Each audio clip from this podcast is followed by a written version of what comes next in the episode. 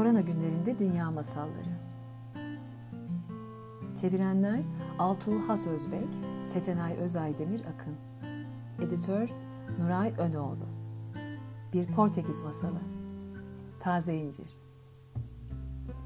Uzun zaman önce amansız bir hastalığa yakalanmış genç bir kız varmış. Kızın babası oldukça varlıklıymış ve kızı için her şeyi yaparmış. Kız bir gün eğer biraz taze incir yersem eminim kendimi daha iyi hissedeceğim demiş. Yalnız aylardan Ocakmış ve taze incirlerin olgunlaşmasına daha aylar varmış. Varlıklı adam zenginliğinin bile incirleri hemen olgunlaştıramayacağını çok iyi bildiği için oldukça endişeliymiş. Her şeye rağmen tüm ahaliye haber salarak her kim ki kızıma taze incirler getirir, yaşının uygun olması kaydıyla kızımla dünya evine girecek.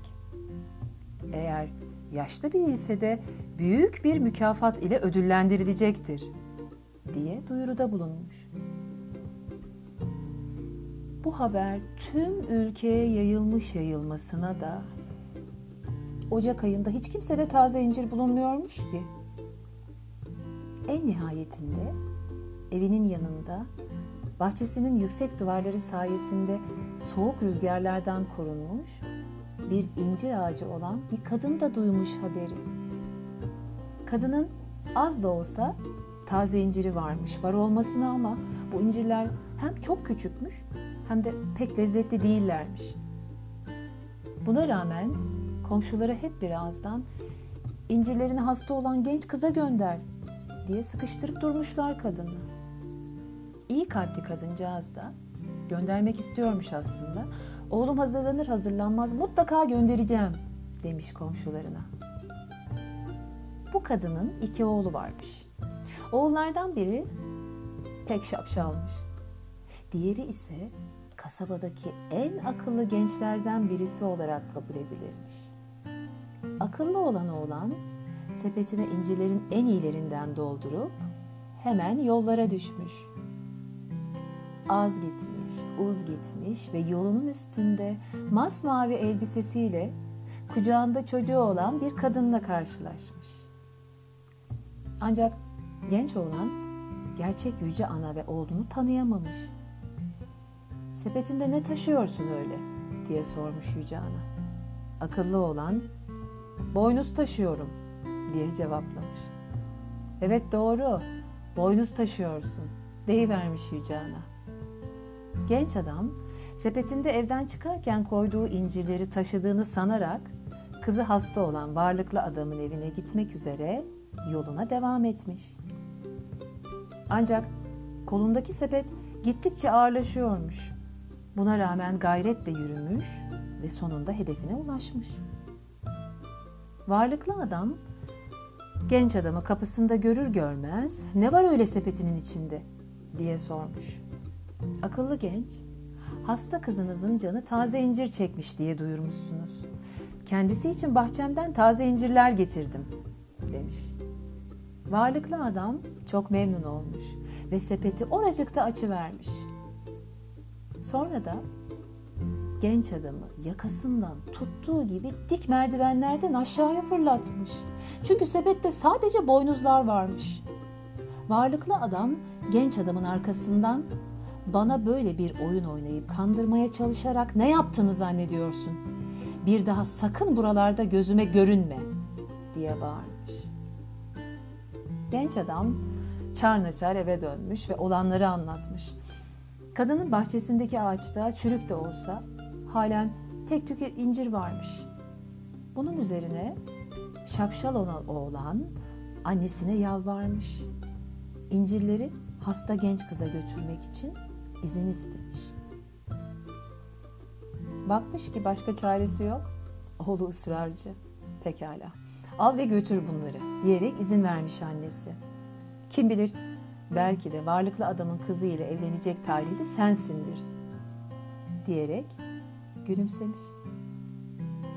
Şapşal oğul hemen ağaçtaki tek tük çürük çarık incirleri toplamış, sepetine koymuş ve varlıklı adamın evine doğru yola koyulmuş. az gitmiş, uz gitmiş ve yolunun üstünde masmavi bir elbise, kucağında çocuğu olan bir kadınla karşılaşmış. O da gerçek yüce ana ve oğlunu tanıyamamış. Sepetinde ne taşıyorsun öyle diye sormuş yüce ana. Hasta bir genç kız için taze incir taşıyorum diye karşılık vermiş oğlan. Evet, incir taşıyorsun demiş kadın.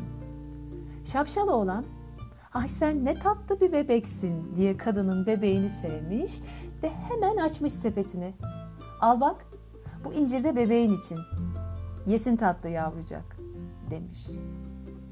En iyi incirlerden birini bebeğe verdikten sonra varlıklı adamın evine doğru yoluna devam etmiş ve sonunda o da hedefine ulaşmış. Şapşal oğlanı evinin kapısında gören varlıklı adam sepetinin içinde ne var diye sormuş. Hasta olan kızınız için bahçemden taze incirler diyerek karşılık vermiş oğlan. Varlıklı adam daha önce nasıl kandırıldığını anımsayarak çatık kaşlarla açmış sepeti. Açar açmaz da gözleri fal taşı gibi açık kala kalmış. Adam şaşkınlık ve mutlulukla ağlayarak nasıl olabilir bu hem de Ocak ayında diye haykırmış. Meğer incirler varlıklı adamın evine varıncaya kadar olgunlaşıp bal gibi olmuş. Sepeti tıka basa doldurmuşlar. Varlıklı adam da sepeti açtığında bir sepet dolusu olgun, nefis, ballı incir görmüş. Genç kız incirleri görünce çok mutlu olmuş ve yer yemez hemencecik iyileşmeye başlamış. Kızın babası oğlanın şapşal olduğunu anlayınca hasta kızına taze incir getirecek olan genç ile kızını evlendireceği sözünden vazgeçmiş. Fakat sonuçta bir söz verilmiş ve verilen sözden öyle kolay kolay geri dönülemezmiş. Varlıklı adamın derdini paylaştığı bir arkadaşı seni bu zor durumdan kurtaracak yolu yordamı sana anlatacağım demiş ve o oğlana eğer gece yarısına kadar dağdan iki canlı tavşanı sağ salim yakalayıp sana getirmez ise canından olacağını söyle diye eklemiş. Varlıklı adam tam olarak arkadaşının söylediğini yapmış. Zavallı oğlan kırlara gidip bütün gün nafile bir çaba ile tavşanları yakalamaya çalışmış. Sonunda çok yorulup kanter içinde kalmış ve hep olduğu gibi şapşallığından afallayıp kalmış.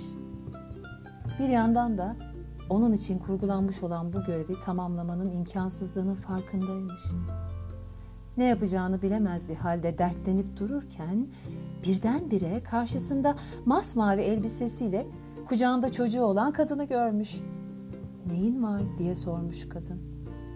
Oğlan da kadına eğer gece yarısına kadar iki tavşan yakalayıp varlıklı adama götüremezsem canımdan olacağım diyerek olanları bir bir anlatmış. Kadın hemen bir kamış parçasını keserek bir kaval yapmış. Bu kavalı çal demiş kadın. Ardından tavşanlar kendi ayaklarıyla sana geleceklerdir. Şapşal oğlan kavalı çalmaya başlamış.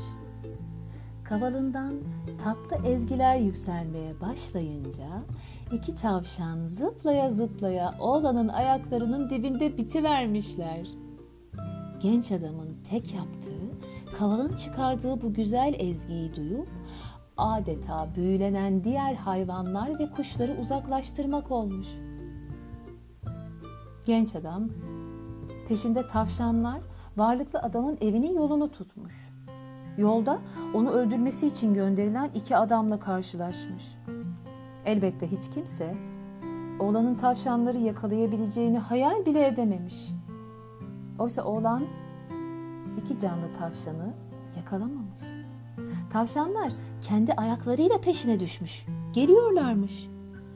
İki adam onu kavalını çalar, tavşanları da uslu uslu peşinden gider görünce şaşkınlıktan öylece kala kalmışlar. Delikanlı yanlarından geçip gitmiş. Varlıklı adamın kapısına varmış ve adamın gördükleri karşısında nutku tutulmuş.